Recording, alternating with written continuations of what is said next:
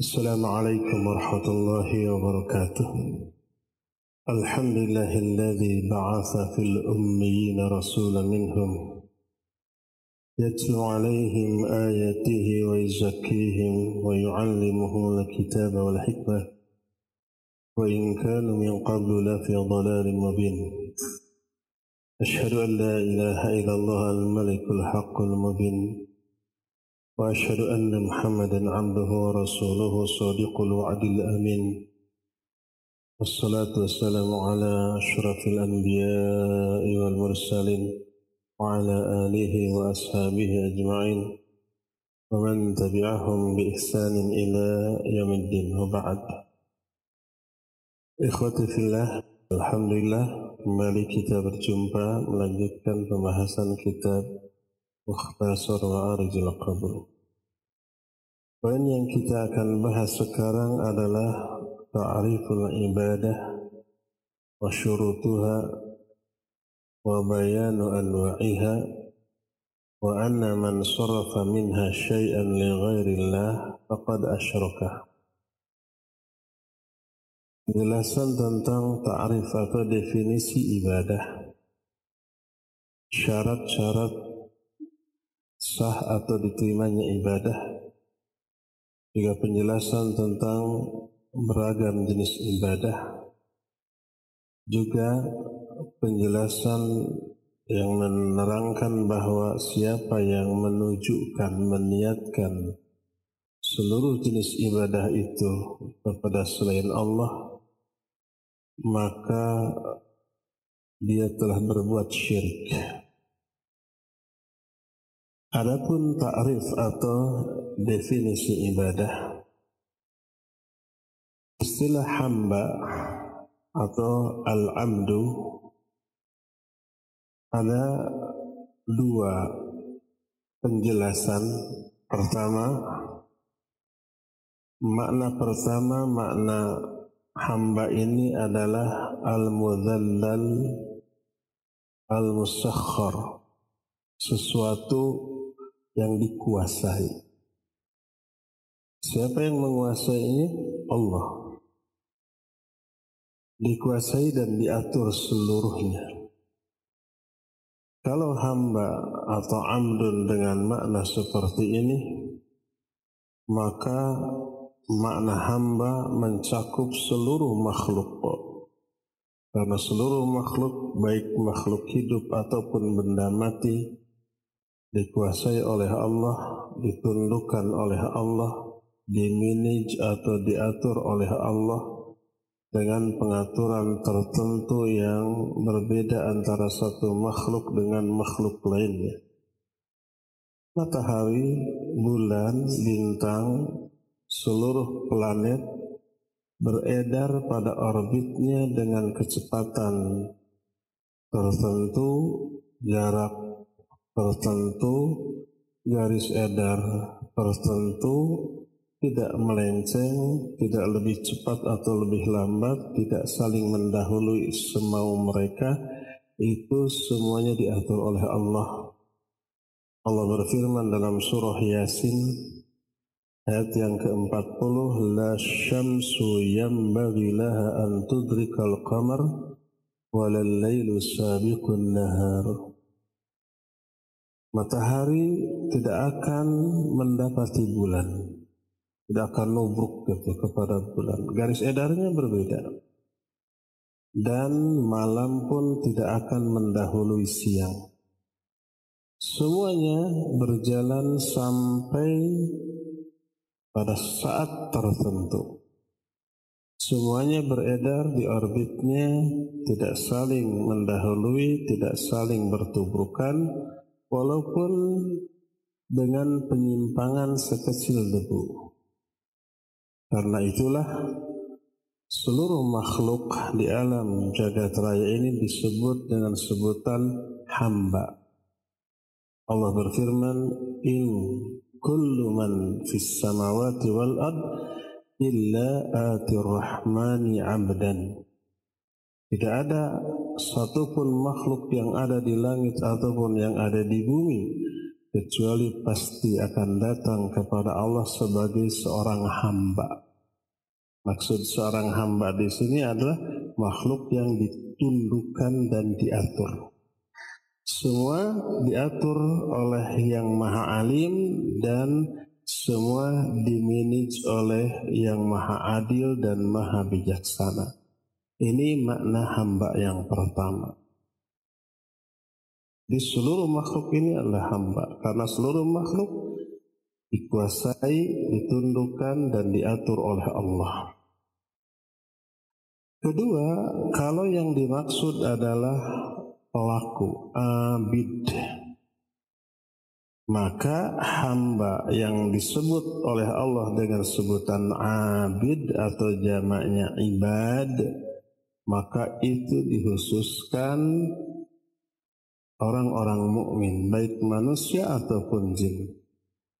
Allah berfirman dalam surah Al-Furqan ayat 63 wa ibadur rahmanil ladzina yamshuna 'alal ardi haunan wa idza khatabahumul jahiluna qalu salama dan ibadur rahman ibad di sini jamak dari abid maksudnya orang-orang mukmin dari hamba Allah yang disebut Ar-Rahman adalah mereka yang berjalan di muka bumi dengan rendah hati.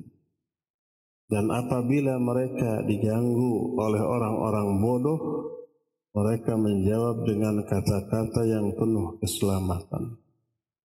Itu khusus orang mukmin. Tapi kalau masih disebut hamba, maknanya umum termasuk seluruh alam jagat raya ini adalah hamba.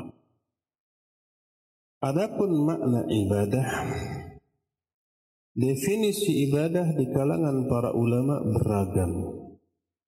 Tapi beragam ini sekedar perbedaan lafaz, perbedaan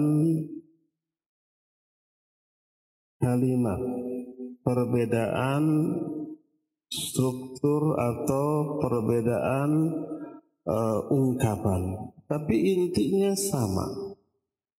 Dan di antara definisi yang paling bagus yang mencakup seluruh makna yang terkandung dalam lafaz ibadah adalah definisi yang dikemukakan oleh Syekhul Islam Ibn Taimiyah dalam kitab Al-Ubudiyah.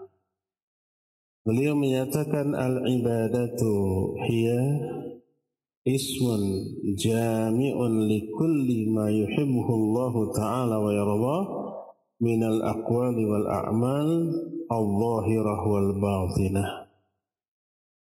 Ibadah adalah satu istilah, satu kata, satu sebutan yang mencakup segala sesuatu yang dicintai oleh Allah dan diridhoi oleh Allah, baik berupa ucapan ataupun perbuatan, baik aspek zahir ataupun aspek batin. Pokoknya apa pun yang dicintai dan diridhoi oleh Allah itulah ibadah. Kita berucap Assalamualaikum. Ibadah karena ucapan itu dicintai dan diridhoi oleh Allah.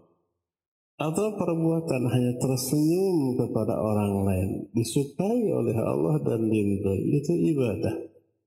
Apalagi melakukan perbuatan yang memberikan maslahat kepada banyak orang.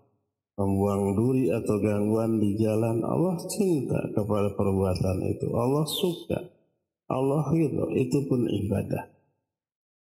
Baik ucapan ataupun perbuatan.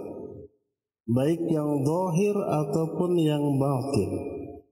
Yang dohir contohnya umpamanya seperti melafalkan dua kalimat syahadat.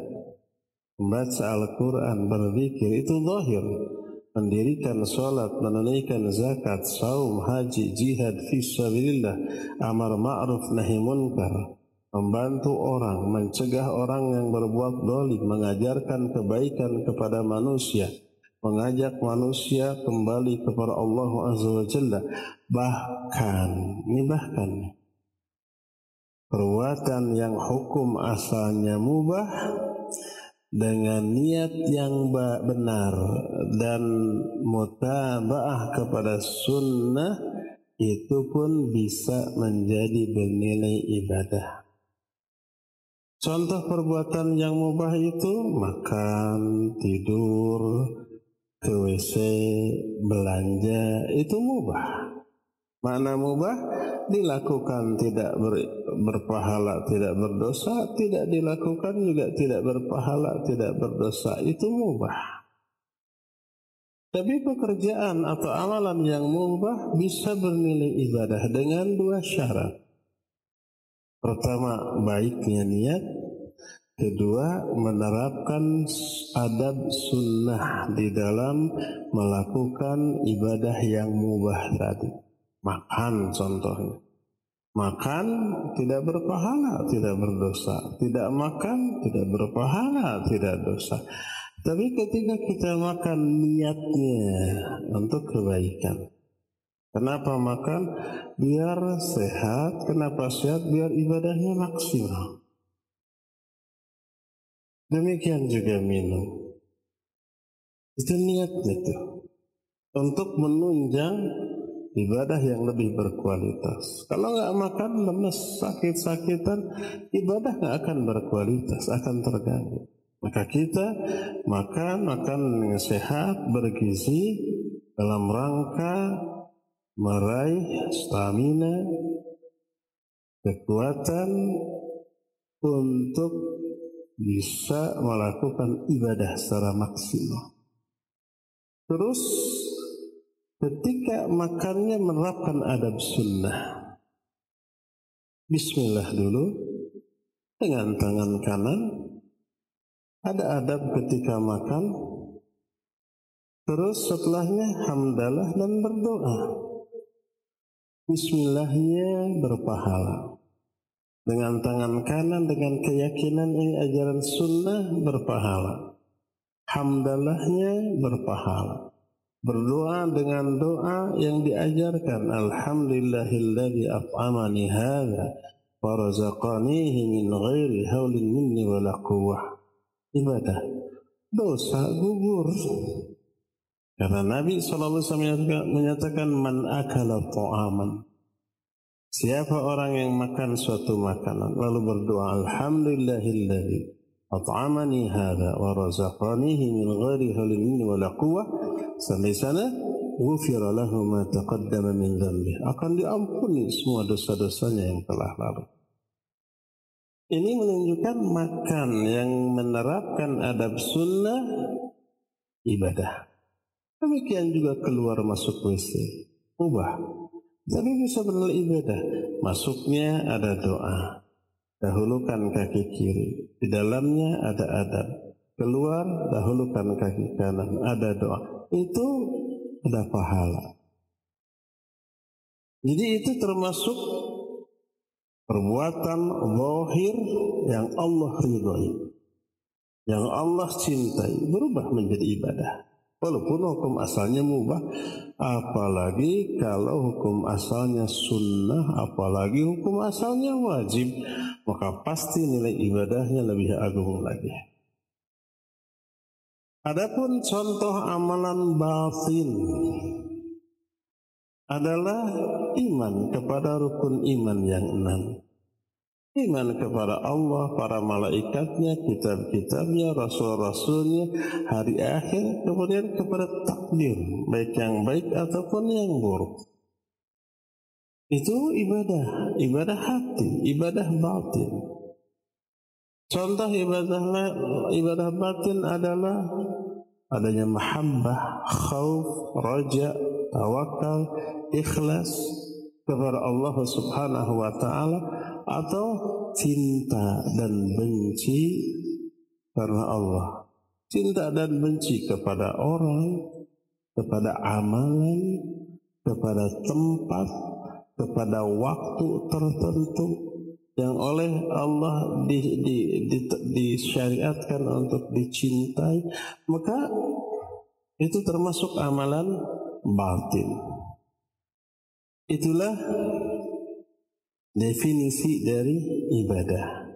segala sesuatu ucapan atau perbuatan baik lahir ataupun batin yang dicintai dan diridhai oleh Allah maka itu adalah ibadah. Anak lari-lari jatuh nangis kita ada di sana. Kita cepat buru kita cepat cepat bangunkan kita cepat usap-usap lukanya kita hibur dasar jagoan sudah ya anak senang Allah cinta nggak terhadap perbuatan itu? Iya cinta. Suka nggak? Iya suka. Ridho nggak? Iya ridho. Itu pun ibadah. Asal ada asal. Jangan berharap semoga anak-anak pada jatuh. Biar saya ada kesempatan untuk beribadah. Enggak. Tidak berharap keburukan bagi orang agar kita bisa membantu mereka enggak. Enggak seperti itu. Dari aspek yang lain, ibadah memiliki poros.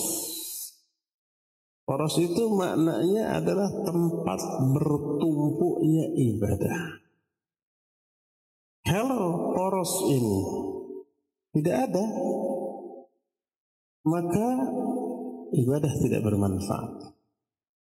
Ubahnya seperti tidak ada poros, maka roda tidak bisa berputar tanpa ada poros.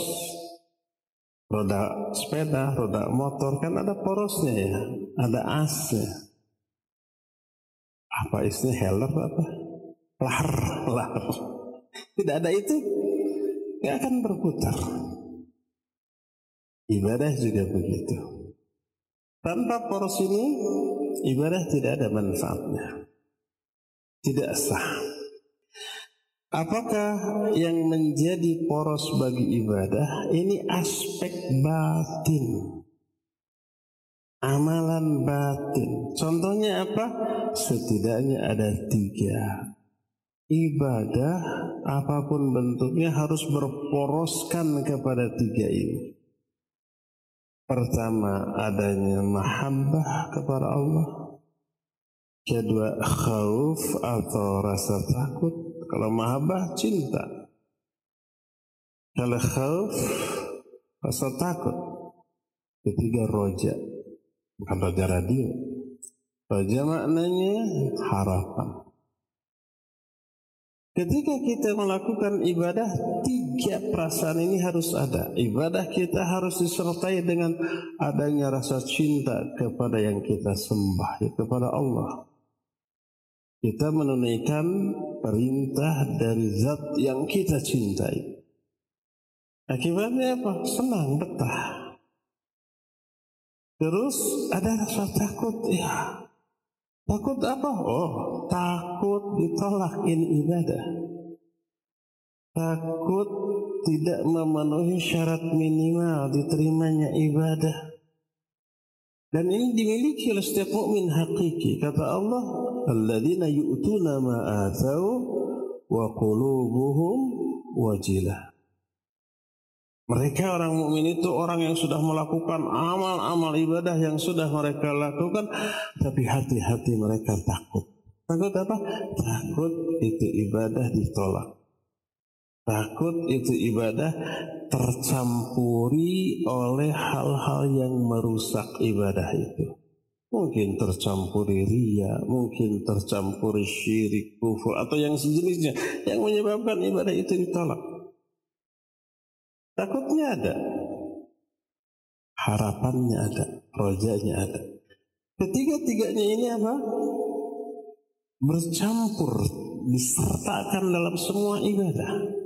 Ketika kita sholat, ada cinta kepada Allah, di dalam sholat kita. Ada khauf, khawatir sholat ini tolak. Ada harapan, harapan memperoleh ridhonya, rahmatnya, pahalanya, dan yang sejenisnya. Nah, tanpa ada tiga-tiganya, ibadah ini hambar. Oleh karena itu, berkata para ulama as-salafus salih, Man abadallaha bil hubbi wahdah fahuwa zindiqo. Siapa orang yang beribadah kepada Allah hanya disertai cinta saja. Tidak ada khauf, tidak ada roja. Hanya cinta saja orang ini zindiq. Terus man abadahu birraja'i wahdah fahuwa murji. Siapa orang yang beribadah kepada Allah hanya berbekal harapan saja, nggak ada cinta, nggak ada takut, dia murjiah. Dan ketiga man abadahu bil khawfi wahdah fahuwa haruri. Siapa orang yang beribadah kepada hanya disertai rasa takut saja, nggak ada harapan, nggak ada cinta, dia haruri. Haruri itu istilah lain untuk khawarij. Khawarij itu orang yang beribadah kepada Allah hanya berbekal takut saja. Takut itu bagus, harus dimiliki. Tapi kalau hanya takut nggak ada mahabbah, nggak ada raja, serupa dengan khawarij disebut haruri karena mereka itu bertempat di sebuah tempat namanya Haruriyah. Maka mereka disebut dengan sebutan Haruri. Nah, wa man abadahu bil hubbi wal khauf war. Siapa orang yang beribadah kepada Allah disertai dengan cinta, khauf dan raja tiga-tiganya ada maka dialah seorang mukmin muwahhid. Nanti dalil-dalilnya kita kemukakan. Kenapa ketiga-tiganya harus ada? Penjelasannya adalah orang yang berbekal cinta saja kepada Allah. Nggak ada tazallul. Tidak ada khauf tidak ada raja, tidak ada khasyah, tidak ada khudu. Maka itu pengakuan cinta yang dusta. Karena itulah maka kita melihat orang yang mengklaim cinta kepada Allah Subhanahu wa taala terjerumus ke dalam banyak maksiat dengan berhujjah irodah kauniyah. Makna makna irodah kauniyah itu takdir. Kenapa kamu lakukan dosa ini? Ini takdir berarti. Allah sudah mentakdirkan saya berdosa. Akhirnya melegitimasi, menjustifikasi, menganggap benar atau tidak salah terhadap kemaksiatannya serupa dengan ucapan orang-orang musyrik yang Allah terangkan dalam Al-An'am 148 Allah berfirman Lau Allah ma asyraqna wala abauna berkata orang-orang musyrik Seandainya Allah menghendaki, kami tidak akan menyekutukan Allah juga bapak-bapak kami nggak akan berbuat syirik. Jadi perbuatan syirik ini adalah kehendak Allah, takdir Allah. Berlindung di balik takdir untuk membenarkan perbuatan dosanya. Serupa dengan iblis laknatullahi alaih. Iblis berkata di dalam surah Al-Hijr 39, Rabbi bima aghwaytani. Ya Allah, karena engkau telah menetapkan aku sebagai makhluk yang sesat. Jadi dia merasa ini ketetapan Allah. Dia menjalani takdir. Bukannya bertobat, berhenti, memperbaiki diri dan seterusnya, bukan. Tapi malah demikian. Nah, ini adalah pola fikir yang sesat yang dimiliki oleh iblis, dimiliki oleh orang-orang musyrik dan menulari banyak kaum muslimin.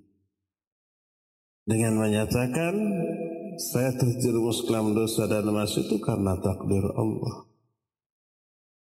Bahwa seseorang berdosa karena takdir Allah betul, betul. Takdir Allah itu kata para Allah yang pasti terjadi dan itu terjadi menunjukkan kullu masya'akana wa malam yasha'lam yakun. Semua yang Allah kehendaki bisa terjadi, pasti terjadi. Makanya kalau itu terjadi berarti takdir Allah iya, betul itu nama. Tapi ada tapinya dia tidak menyadari, tidak mengetahui kenapa Allah mentakdirkan dia melakukan dosa dan maksiat. Pasti ada sebab. Takdir yang Allah berikan kepada seorang itu bisa hukuman, bisa anugerah. Kalau takdirnya buruk berarti hukuman. Kalau takdirnya baik itu anugerah. Baik hukuman atau anugerah akibat perbuatan kita sebelumnya. Sering saya jelaskan. Kenapa seseorang oleh Allah diberikan keinginan untuk berbuat dosa dan maksiat. Akhirnya dosa dan maksiat. Kenapa? Itu hukuman Allah kepada dia karena dia sudah melakukan dosa sebelumnya. Kata Nabi SAW, Iyakum wal kadhiba fa innal kadhiba yahdi ilal fujur. Jauhi oleh kamu dusta. Karena dusta itu berakibat si orang yang melakukan dusta itu terjerumus ke dalam fujur. Fujur itu dosa dan maksiat yang sebelumnya tidak dia lakukan. Eh setelah berdusta dia jadi berani melakukan perbuatan yang tadinya dia hindari. Allah yang mengatur hukuman bagi di al-jaza min jinsil amal. Dan sering saya jelaskan kalau seseorang melakukan ibadah, kebaikan, amal soleh, Allah balas kontan. Apa balasan kontan? Allah beri hidayah untuk melakukan amal soleh yang berikutnya. Itu tuh. Oleh karena itulah maka kalau seseorang berdosa tahu itu takdir Allah, iya tahu. Kenapa Allah mentakdirkan saya berdosa? Pasti hukuman atas kesalahan yang sebelum. Cepat tobat. Cepat berhenti dari dosa itu. Cepat berikhtiar untuk menghapus dosa itu dengan istighfar, dengan taubat, dengan melakukan amal-amal soleh berikutnya. Nah, Taubat adalah amal ibadah yang agung. Setelah kita taubat, Allah berikan hidayah untuk melakukan ibadah-ibadah lain yang berikutnya. Iblis sama orang-orang musyrik mah tidak. Setelah mereka meyakini ini takdir Allah, sudah jalani saja, nggak tobat, nggak berhenti dari hal itu. Berdasarkan hal itu, maka berkata muallif rahimahullahu taala wa innamal mahabbah nafsun wafaqul nafsun nafsu wafaqil abdi rabbahu wa yuhibbu ma yuhibbu wa yarda wa yubghidu ma yakrahu wa ya'bah wa innama tatalaqa ma'rifata mahabbatillahi wa ma'asihi min tariqi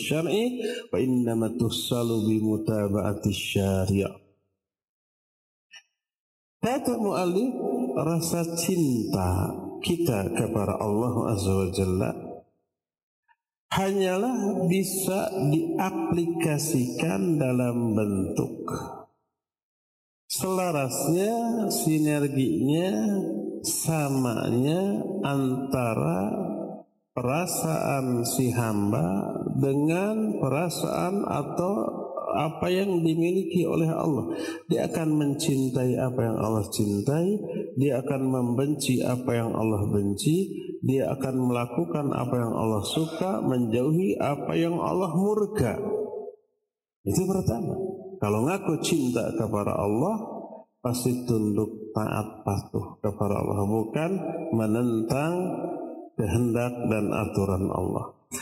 Dan tidak ada cara bagi seorang hamba untuk mengetahui apa saja yang Allah cintai, apa saja yang Allah benci, kecuali melalui pengenalan terhadap pembawa syariat.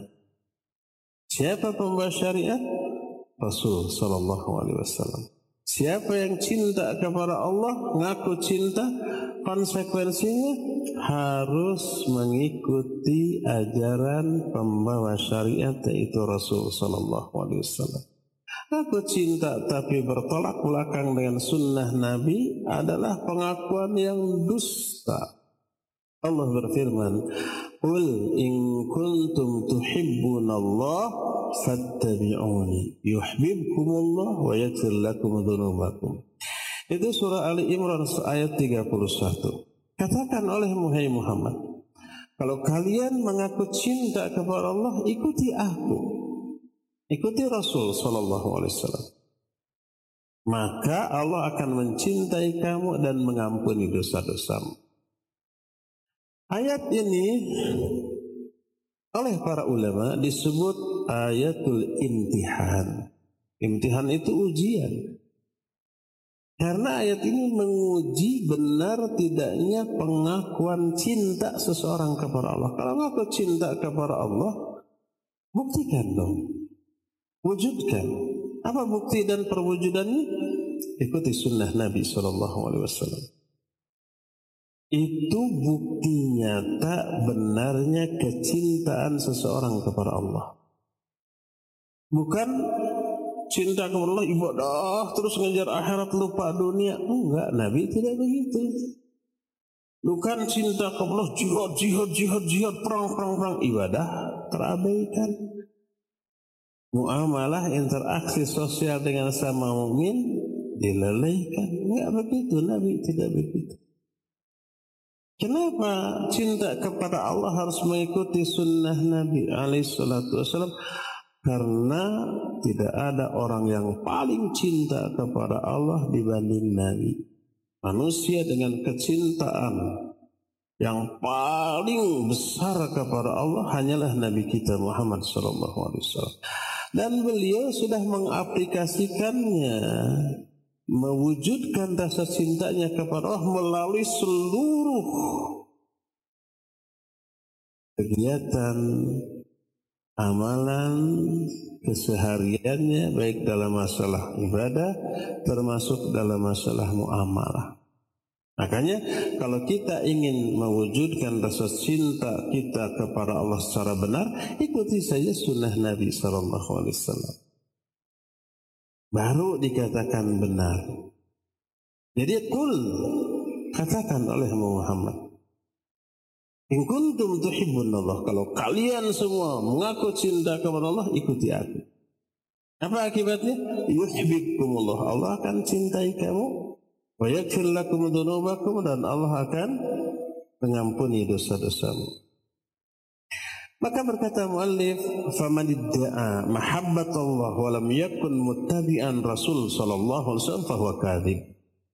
Siapa orang yang mengaku-ngaku cinta kepada Allah tapi tidak mengikuti sunnah nabinya, pengakuannya itu dusta, bohong, gombal, hoax.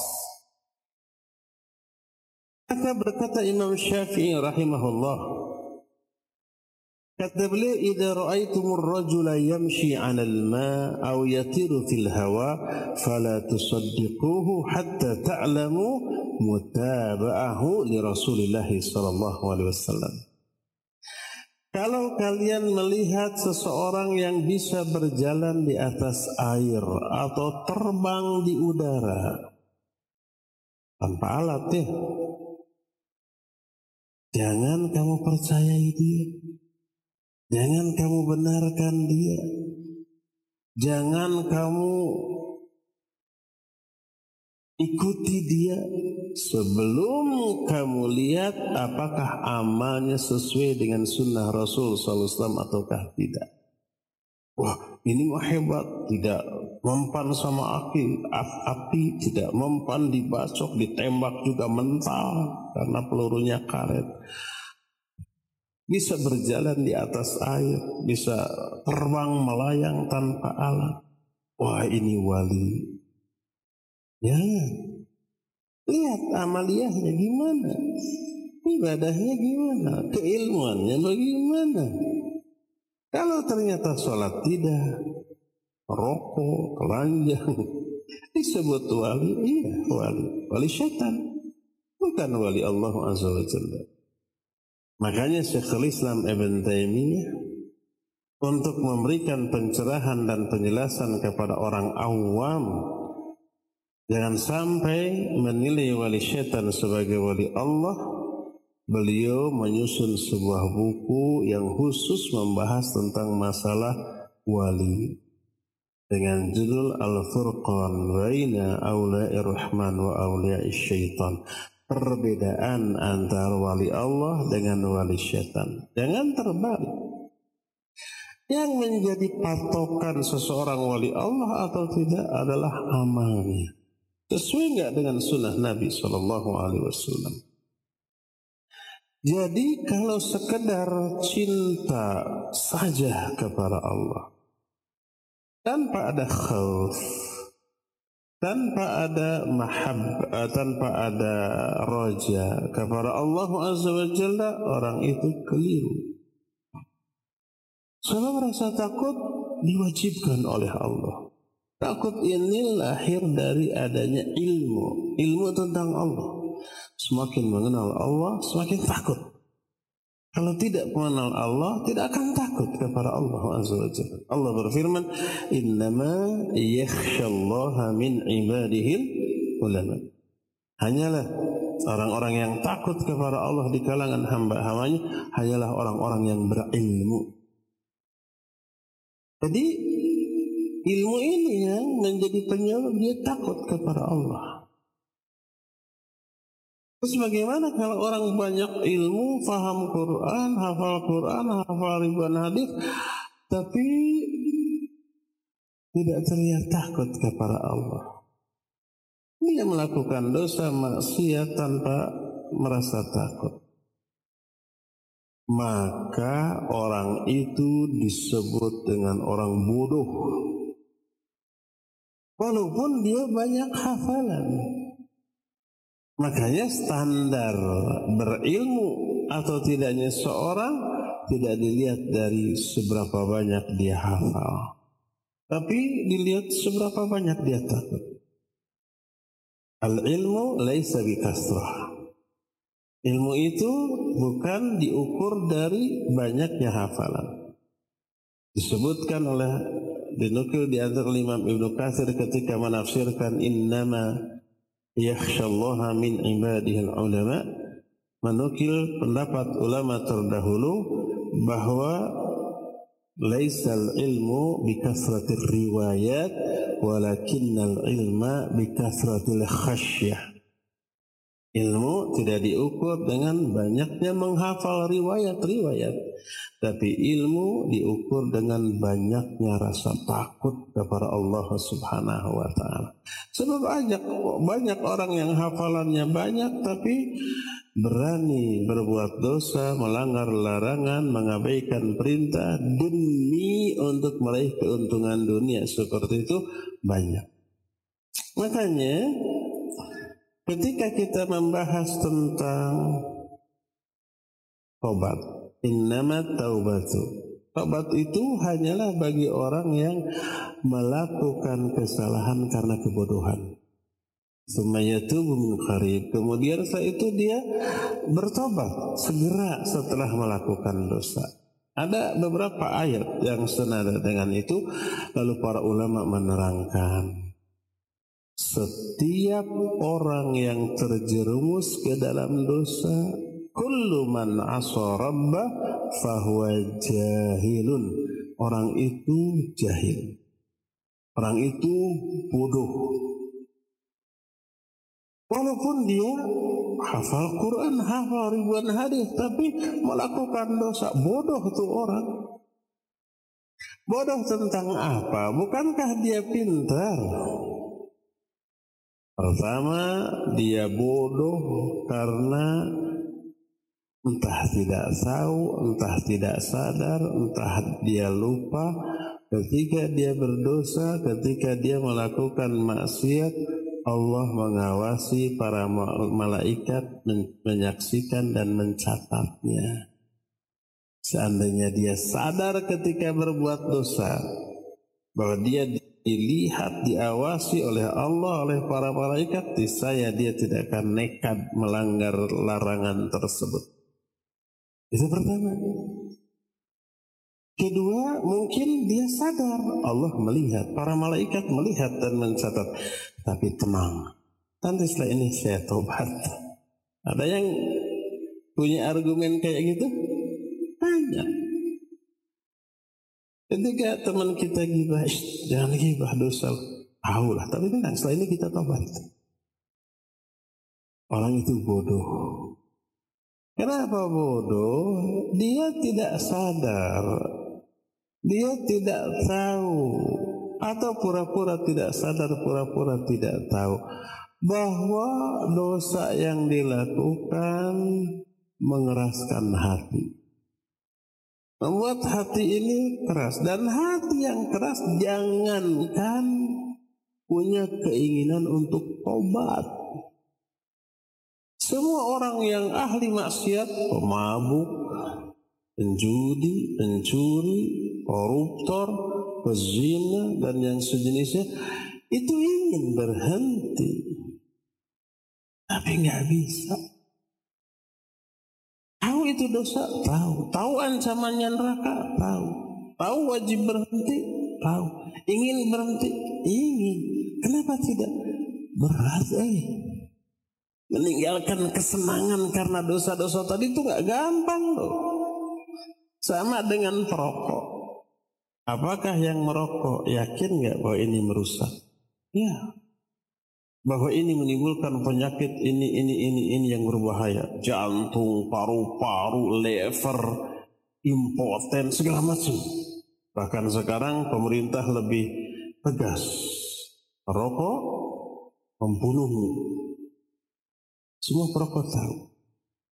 Semua perokok ingin berhenti. Tapi kenapa nggak bisa? Tubuhnya menagih terus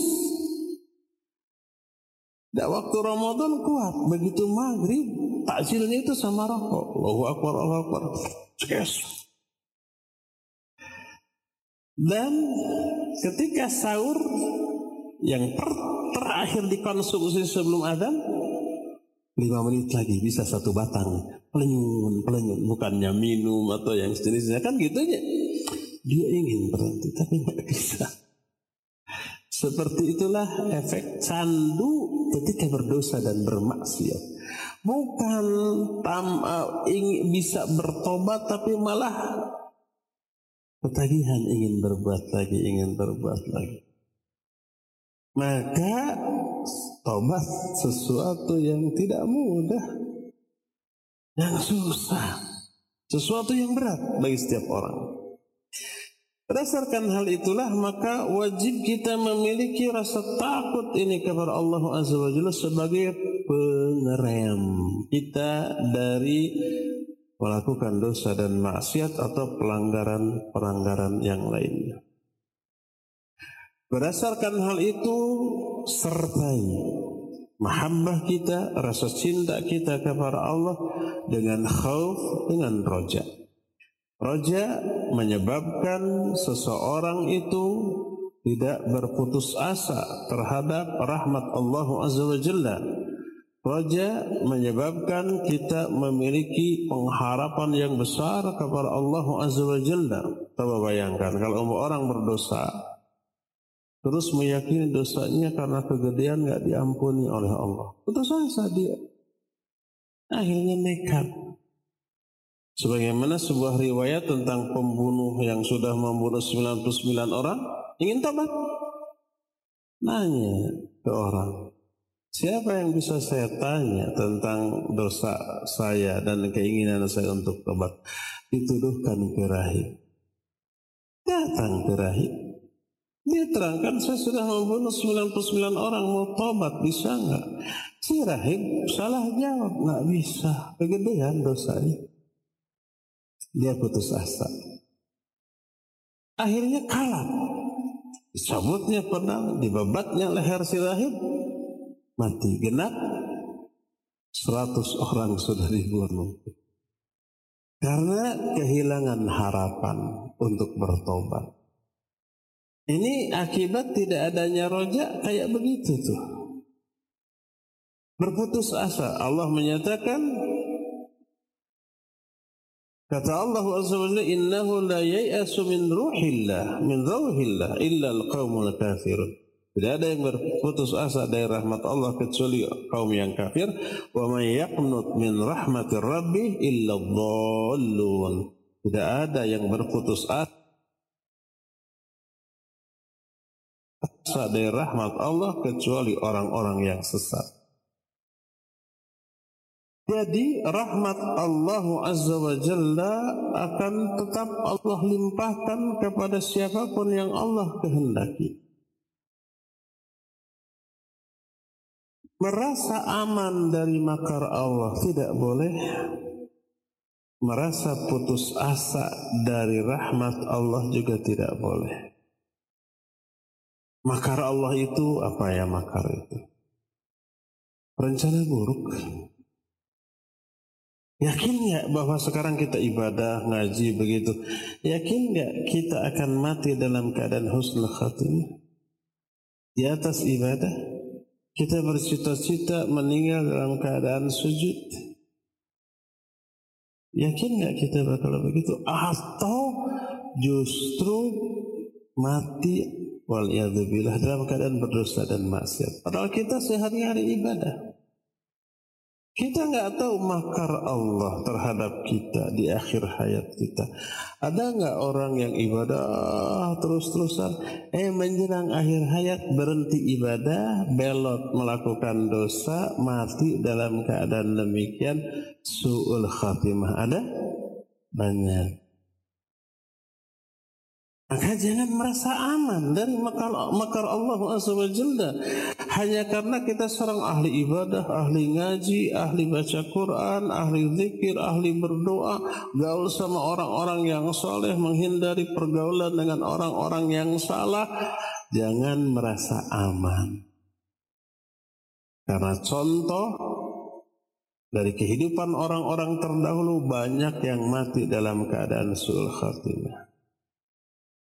Al-Quran juga menerangkan ahli ibadah bisa mati dalam keadaan su'ul khatimah. Quran. Seperti yang tercantum dalam Quran surah Al-Hashr. Kamathali syaitan. In qala lil insani kfur. Falamma kafara qal inni bari'u mink inni akhafu Allah rabbal alamin akibatahuma annahuma fin nari khalidaini fiha wa dzalika jazaa'ul zalimin. Kata Allah seperti syaitan yang berkata kepada orang, kufur kamu. Orang itu nurut kufur. Ketika orang ini kufur, syaitan berkata, aku berlepas diri darimu, aku pun takut kepada Allah.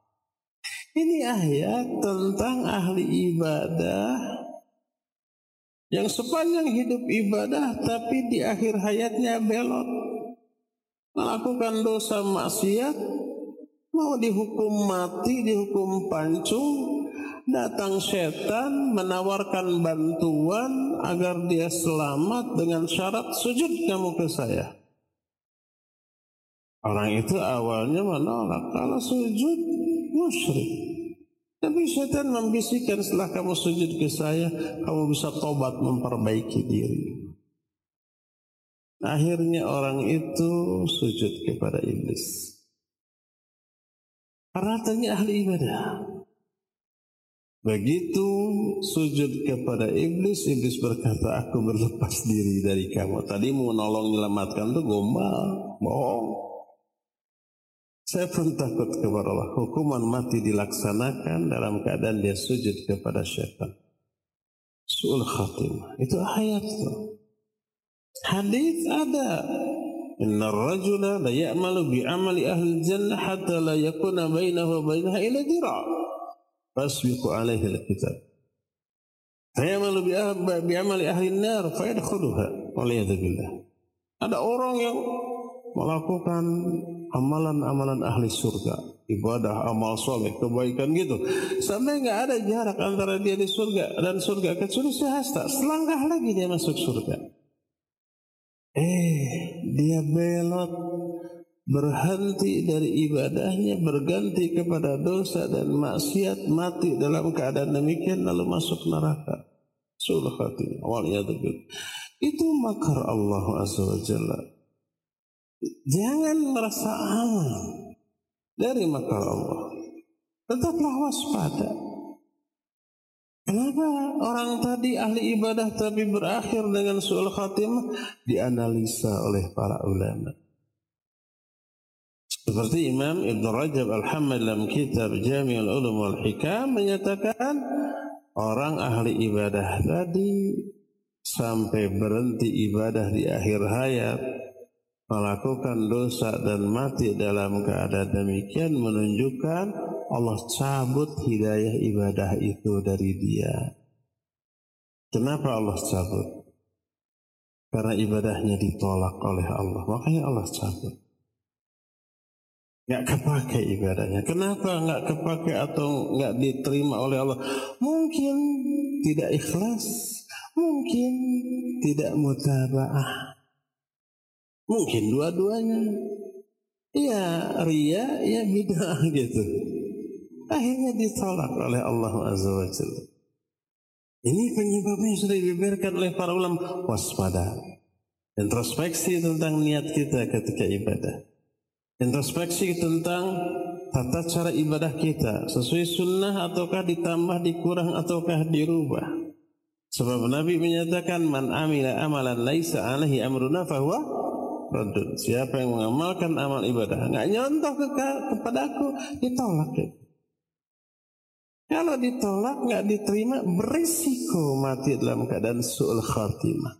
Orang yang ibadahnya ria, ujub, kabur gitu ya, sum'ah yang seperti itu berisiko mati dalam keadaan suul khatimah.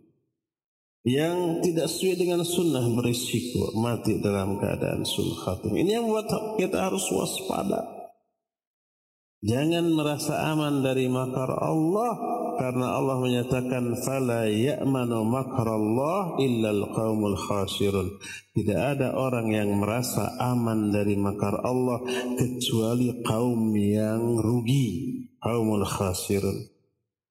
Maka introspeksi ibadah kita perbaiki terus, perbaiki niat, perbaiki kaifiat dari ibadah tetap jaga keikhlasan, tingkatkan keikhlasan, tingkatkan mutabaah, jangan tercampuri kebidaan, menambah, mengurangi, merubah tata cara ibadah ini kepada Allah Azza wa Jalla. Untuk apa? Menghindari mati dalam keadaan su'ul khatimah. Maka berkata para uh, muallif rahimahullah, "Fal amnu min makrillah khusran." Wal ya'su min rauhihi kufran. Wal qunut min rahmatillahi dhalalun wa tughyanun. Wa ibadah wa ibadatullah azza wa jalla bil hub wal khauf wal raja tauhidun wa imanun. Fal amdul mu'minu bainal khauf wal raja. Merasa aman dari makar Allah adalah sebuah kerugian Berputus asa dari rahmat Allah adalah kekufuran. Terus kehilangan harapan dari rahmat Allah adalah kesesatan. Ibadah kepada Allah harus disertai rasa cinta, takut dan berharap dan ini adalah tauhid. Aplikasi dari tauhid dan iman seorang hamba mukmin ibadahnya tidak pernah lepas dari khauf dan roja. Coba perhatikan beberapa ayat berikut ini. Pertama, Al-Quran Surah Al-Isra ayat 57. Allah Azza wa Jalla berfirman, "Wa yarjuna rahmatahu wa yakhafuna adzabah." Orang mukminlah orang yang mengharapkan rahmat Allah dan takut kepada azabnya. Ada harapan, ada rasa takut. Juga dalam Al-Quran surah Az-Zumar ayat 9 Allah menyatakan amman huwa qanitun ana al-laili sajidan wa qa'iman yahdharul akhirata wa yarju rahmat rabbih Mana yang lebih baik? Orang yang tidak pernah ibadah ataukah orang yang kunut sepanjang malam dan sepanjang malam dalam keadaan sujud dan berdiri? Kunut itu dawa mutoah ibadah. Mana yang lebih baik yang tidak ibadah atau orang yang ibadah sepanjang malam dalam keadaan sujud dan berdiri yahdharul akhirah. Karena dia takut kepada nasib dia di akhirat wa yarju rahmat rabbi dan berharap rahmat dari Allah Subhanahu wa taala. Ada harapan, ada rasa cemas, H2C, H2C2, harap-harap cemas-cemas. Allah berfirman tentang orang-orang mukmin, "Innahum kanu yusari'una fil khairat." ويدعوننا رغبا ورهبا وكانوا لنا خاشئين Mereka adalah orang-orang yang berlomba-lomba dalam melakukan kebaikan. Mereka beribadah kepada kami dengan penuh rasa harap dan penuh rasa takut. Wa kanu lana khasyin dan mereka khusyuk kepada kami. Itu adalah tentang khauf dan roja. Jadi khauf ini wajib dimiliki. Dan itu adalah karakter yang harus dimiliki oleh setiap mukmin, orang yang takut kepada Allah. Karena takutnya dia tahan dirinya dari hawa nafsu. Dia hindarkan apa yang haram. Dia lakukan apa yang diwajibkan. Karena takut kepada Allah, maka Allah jamin surga. Allah menyatakan wa amma man khafa maqama rabbih wa nahan nafsa 'anil hawa fa innal jannata hiyal ma'wa. Surah An-Nazi'at. Adapun orang yang takut kepada Allah, takut tuh. Lalu dia tahan dirinya dari hawa nafsu, tidak diumbar, tidak diikuti bisikan hawa nafsu, dia tahan. Ada keinginan untuk melakukan sesuai dengan hawa nafsu karena itu menyenangkan. Tapi dia tahan karena takut akan konsekuensinya. Fa'innal jannata hiyal. Tempat kembali orang itulah surga. Surga ma'wa. Dua lagi surganya. Dalam surah Ar-Rahman dikatakan. Waliman khafa maqama rabbihi jannata. Bagi orang yang takut kepada Allah, baginya akan diberikan dua surga. Lihat, takut adalah sesuatu yang positif, yang agung. Makanya Allah mengapresiasi dengan memberi reward surga sebagaimana ayat-ayat yang tadi diterangkan.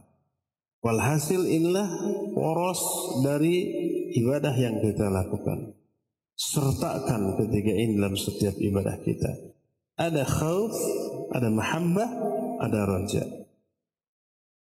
Mahabbah menyebabkan kita akan melakukan apa pun yang Allah perintahkan dengan senang, dengan bahagia, dengan bangga karena melaksanakan zat yang kita cintai. Nggak ada keluhan, nggak ada rasa malas, tidak ada rasa berat. Senang yang ada karena melaksanakan perintah dari yang kita cintai, yaitu Allah. Khauf menyebabkan kita takut kalau ibadah kita ini tertolak, ada salahnya, ada kekeliruannya, ada kurangnya. Akibatnya dia bersungguh-sungguh. Takut ada sesuatu yang mengecewakan zat yang kita sembah. Roja menimbulkan optimisme berharap dapat ampunan, berharap dapat rahmat, berharap dapat ridhonya, berharap dapat dapat pahalanya, berharap dapat surganya dan seterusnya. Ini tiga-tiganya memberikan efek yang super positif bagi ibadah yang dilakukan. Kalau ibadah tidak disertai dengan tiga ini hambar, nggak ada rohnya. Nggak ada cinta, nggak ada takut, nggak ada harapan, ibadahnya lempeng begitu saja hambar. Nggak ada rasa. Gak ada manfaat. Ya, inilah penjelasan tentang definisi ibadah beserta hal-hal yang berkaitan dengannya akan datang insya Allah kita akan menjelaskan tentang rukun-rukun dan syarat-syarat ibadah yang wajib untuk kita ketahui untuk meraih ibadah yang berkualitas ya. Sekarang cukup sampai di sini dan kita masih punya sisa waktu untuk bertanya jawab kepada Abu Lukman di studio Radio Roja Silensi dipersilakan untuk memandu tanya jawab dengan pendengar dan pemirsa. Wassalamualaikum ala nabiyina Muhammadin wa ala alihi wa.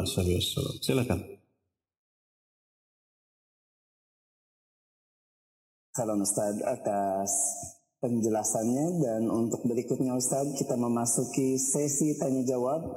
Baik pertanyaan pertama Ustaz dari hamba Allah di Depok ingin bertanya terkait dengan ibadah umrah Ustaz. Banyak yang berdesak-desakan saat mencoba mencium hajar aswad, kadang sampai rela menghalalkan segala cara Ustaz. Pertanyaannya Ustaz, apakah berdesak-desakan tersebut termasuk bersungguh-sungguh dalam beribadah atau malah terkena fitnah Ustaz? Mohon penjelasannya. Baik, barakallahu fiqh. Ketika kita tawaf, baik wajib ataupun sunnah.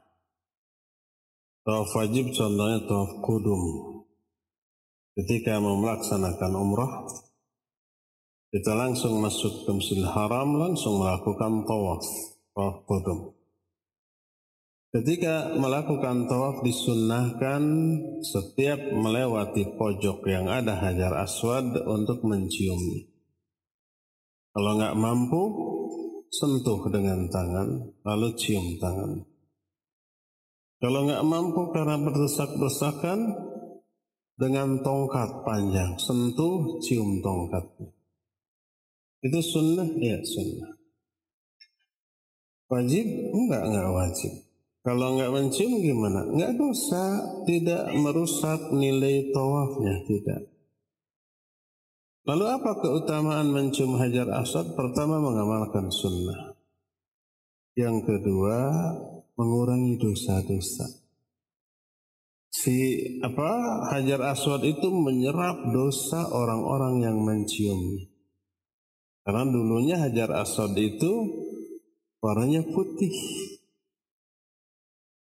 Ketika orang menciumnya terserap dosa orang itu, maka lama-lama menghitam sampai sekarang hitam banget. Entah berapa juta dosa orang-orang yang sudah terserap. Sampai sekarang disebut dengan sebutan hajar aswad. Menciumnya sunnah dan utama. Tadi sekarang kondisinya berdesak-desakan. Jutaan orang dalam waktu yang bersamaan, nggak sampai jutaan lah, ribuan, itu berburu Hajar Aswad untuk bisa mencium. Sehingga masuk untuk menyentuh Hajar Aswad sesuatu yang susah. Lebih susah lagi setelah berhasil mencium susah keluar. Keluarnya lebih susah daripada masuknya tuh. Coba tanyakan kepada orang yang pernah mencium Hajar Aswad. Masuknya susah, berdesak-desakan, keluarnya lebih susah. Bisa, tapi dengan berbuat dolim. Pasang aja sudah sikut kita, kepalan kita, oh, babaduk kata orang Sunda. Dorong, sikut, pukul, minggir orang baru mencium. Tapi kita berdosa karena mendolimi orang dan dosanya dilakukan di tempat paling suci sedunia, di depan Ka'bah. Dosanya berlipat. Kalau ibadah yang dilakukan di sana dilipat gandakan seratus ribu kali lipat, dosa juga gitu. Mencium hajar aswalnya hukumnya sunnah. Menjaga diri untuk tidak menyakiti orang lain hukumnya wajib. Menyakiti orang hukumnya haram. Yang wajib harus lebih didahulukan daripada yang sunnah. Menghindari yang haram harus lebih didahulukan daripada meraih yang sunnah. Berdasarkan hal itulah orang yang mencium hajar aswad dengan mendolimi orang-orang di sekitarnya didorong, disikut, dipukul, dikelitik, dicubit biar nyingkir orang itu meraih dosa yang lebih besar dibanding keutamaan mencium hajar aswad. Bersungguh-sungguh boleh ya kita berupaya gitu sampai keringetan sampai kegencet-gencet tapi tidak boleh dengan cara mendolimi orang lain. Silakan berupaya bersungguh-sungguh tapi sikut jangan main. Ya, cubit kanan kiri jangan. Coba ada yang mencubit loh. Kita lagi uh, otomatis menghindarkan. Aduh, sampai lecet. Ada yang seperti itu. Boleh bersungguh-sungguh. Berupaya maksimal boleh. Ya sudah masuk kira-kira setengah meter lagi kedorong. Keluar lagi masuk lagi dari sisi lain. Kedorong lagi plong ke atas. Dilempar lagi. Boleh. Tapi jangan mendolimi orang lain. Itu yang pertama. Yang kedua disunahkannya mencium mencium hajar aswad itu kalau sambil tawaf loh. Kalau tidak sambil tawaf datang cium balik lagi. Enggak, enggak sunnah. Ini banyak orang datang tidak tawaf langsung me, me, menerobos menerobos arus. Kalau tawaf kan gini harusnya ya. Harusnya mengikuti arus lama-lama mendekat dekat-dekat baru. Ini mau langsung berombongan lagi. Menimbulkan madarat dan kemacetan. Saling dorong, saling sikut. Ini yang keliru ya. Oleh karena itu silakan kalau kita mampu, tapi kalau umpah lagi lagi lagi tawaf tujuh putaran kita berupaya itu madorot nanti nggak sampai-sampai. Baru satu putaran ingin mencium hajar aswad sejam nggak nggak nyium-nyium, akhirnya nggak kelar-kelar tawafnya. Ya sudah semampunya. Kalau mampu silakan. Kalau tidak mampu sudah berisyarat saja dari jauh. Bismillahirrahmanirrahim. Allahu Akbar. Lalu berputar. Itu sah ya. Demikian. Wallahu a'lam bisawab. Silakan lagi Adir. Allahu khairan Ustaz atas penjelasannya dan berikutnya kita coba angkat penanya melalui line telepon kami persilahkan. Assalamualaikum. Waalaikumsalam warahmatullahi wabarakatuh. Dengan siapa di mana Ibu? Dengan Ibu Noni di Bandung. Silakan Ibu. Ya Ustaz, uh, saya ingin bertanya, ya, apakah uh, setiap orang yang mau bertobat uh, akan diuji tobatnya? Apakah karena Allah atau bukan? Dan uh, saya pernah uh, mendengar cerita bahwa orang yang bertobat itu uh, dia mendapat ujian dari Allah yang sangat berat. Apakah begitu Ustaz? Baik. Baik. Jazakallah khairan Ustaz. Assalamualaikum warahmatullahi wabarakatuh. Waalaikumsalam warahmatullahi wabarakatuh. Iya. Tafadhal Ustaz. Ibu Noni di Bandung, Barakallahu fiik. Jangan-jangan ada di sini. Apakah kalau orang mau tobat akan diuji? Tobat salah satu aplikasi dari keimanan. Imannya benar melahirkan tobat yang juga benar. Dan setiap iman itu pasti diuji. Ya dibiarkan. Khawatir imannya palsu. Allah berfirman dalam Al-Quran dalam surah Al-Ankabut ayat yang kedua dan yang ketiga. Ahasiban nas ayat suraku ayat suraku ayyakulu amanna wahum la yuftanun. Apakah manusia mengira mereka akan dibiarkan berkata, kami telah beriman. Padahal mereka belum diuji. Nabi SAW bersabda, Yubtalar rajulu ala hasbi dini. Fa'in kanat fi dinihi salamah zida lahu fil bala. Seseorang akan diuji berdasarkan kadar imannya.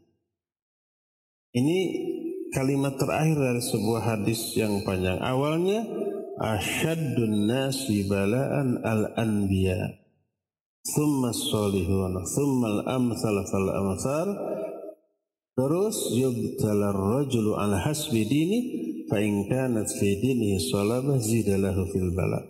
Manusia yang paling hebat ujiannya adalah para nabi. Lalu orang-orang soleh. Lalu orang-orang yang di bawah itu dan di bawah itu Seseorang akan diuji berdasarkan kadar iman. Semakin hebat imannya, semakin hebat ujiannya. Taubat salah satu wujud nyata keimanan. Akan diuji? Pasti diuji. Apakah tobatnya ini benar atau dia nanti akan tergoda lagi melakukan dosa yang sama? Oleh karena itulah maka tidak setiap orang yang tobat dari dosa secara kontan dia terlepas otomatis keluar dari kesulitan akibat dosa itu tidak.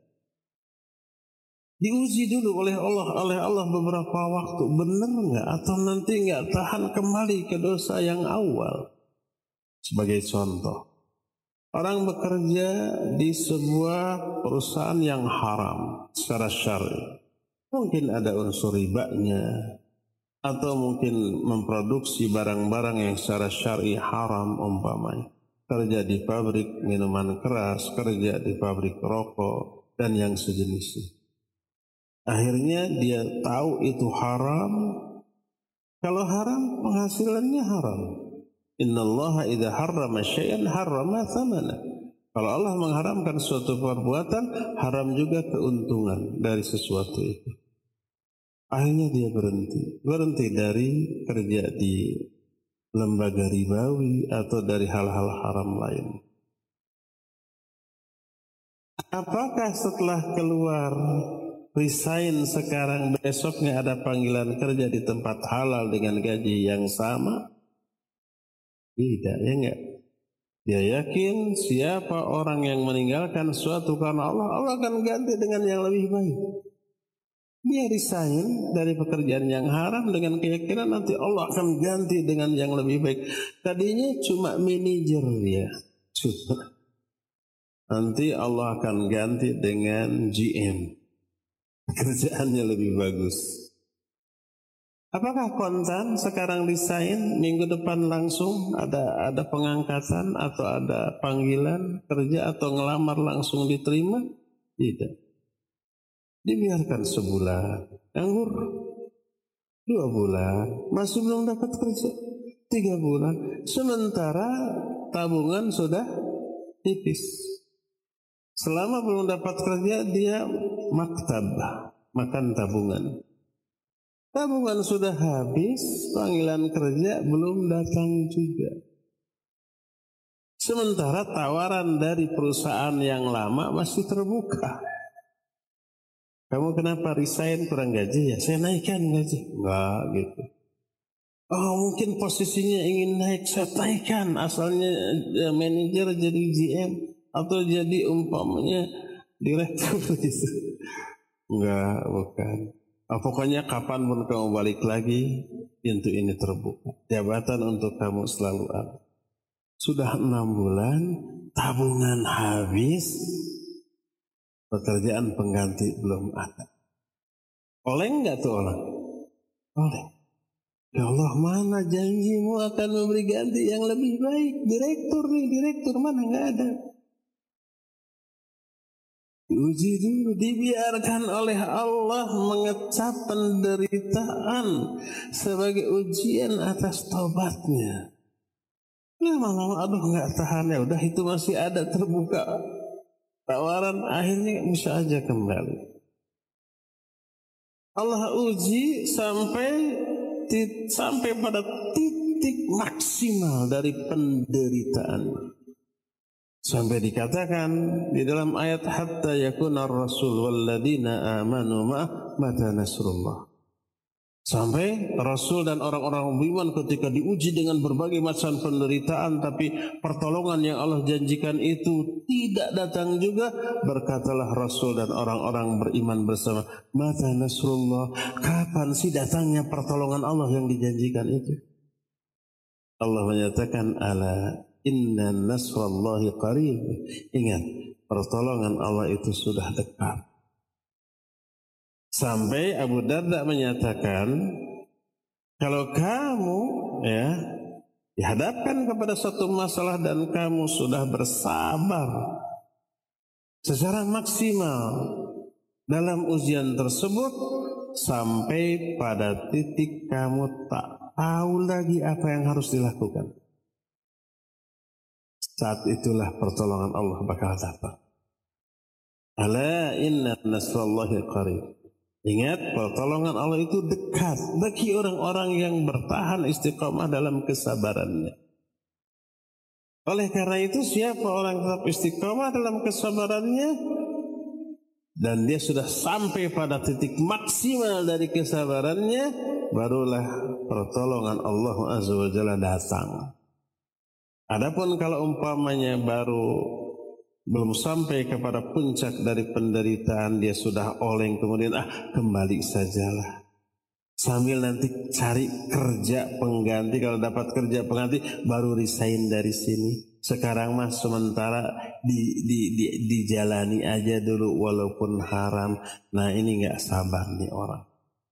Jadi setiap aplikasi perwujudan dari keimanan pasti akan diuji oleh Allah maka bersabarlah maka kesabaran itulah yang akan mengundang turunnya pertolongan dari Allah. Allahu a'lam bishawab. Silakan lagi Adir. Jazakallahu khairan Ustaz atas penjelasannya dan pertanyaan berikut Ustaz melalui pesan WhatsApp kembali dari hamba Allah tidak disebutkan dari mana ingin bertanya Ustaz apakah berdosa ketika kita bersodakoh atau berbagi makanan ke tetangga dan juga ke yang lainnya dengan harapan Ustadz pada saat kita meninggal kita diingat sebagai orang yang suka berbagi. Mohon penjelasannya Ustadz. Jazakallahu khairan. Wa jazakallahu khairan. Boleh nggak kita berbuat baik dengan harapan agar nama kita selalu disebut orang setelah kematian? desa kita diingat. Nggak boleh sama sekali. Karena berharap dari orang. Dan itu keluar dari makna keikhlasan. Ikhlas itu meniatkan amalan untuk meraih apa yang ada di sisi Allah. Meraih apa yang Allah janjikan. Mengharapkan balasannya dari Allah, bukan dari manusia. Hanya ingin dipuji oleh Allah, diingat oleh Allah, diberi apresiasi oleh Allah dan dibalas oleh Allah, bukan oleh orang. Kalau kita meniatkan amalan agar diingat orang, agar dipuji orang, disanjung orang, atau memperoleh balasan dari orang berupa jabatan, berupa plakat, pandel, tiala yang seperti itu, maka keluar dari zona keikhlasan. Maka berkata Fudail bin Iyad rahimahullah, "Tarkul amal li ajli nas riya wal amal li ajli nas syirkun wal ikhlas ayyu'afiyana Allahu minhuma." meninggalkan suatu amalan karena manusia itu ria. Beramal karena manusia itu syirik. Ikhlas adalah semoga Allah menyelamatkan kita dari kedua-duanya. Maknanya mau meninggalkan amalan, mau melakukan sebuah amalan bukan karena manusia, tapi karena Allah. Bukan karena ingin diingat oleh manusia, diberi sanjungan, diberikan komentar, diberikan apresiasi oleh manusia. Bukan, tapi semuanya ingin mengharapkan balasan penilaian dari Allah Subhanahu wa taala ya. Jadi jangan ingin diingat oleh manusia atas kebaikan-kebaikan kita. Karena itu keluar dari keikhlasan ya. Cukup ya sampai di sini saja. Insya Allah kita akan jumpa kembali melanjutkan kajian materi ini di hari yang akan datang. Subhanakallahu bihamdik asyhadu an la ilaha illa anta astaghfiruka wa atubu ilaik. Alhamdulillah rabbil alamin. Wassalamualaikum warahmatullahi wabarakatuh.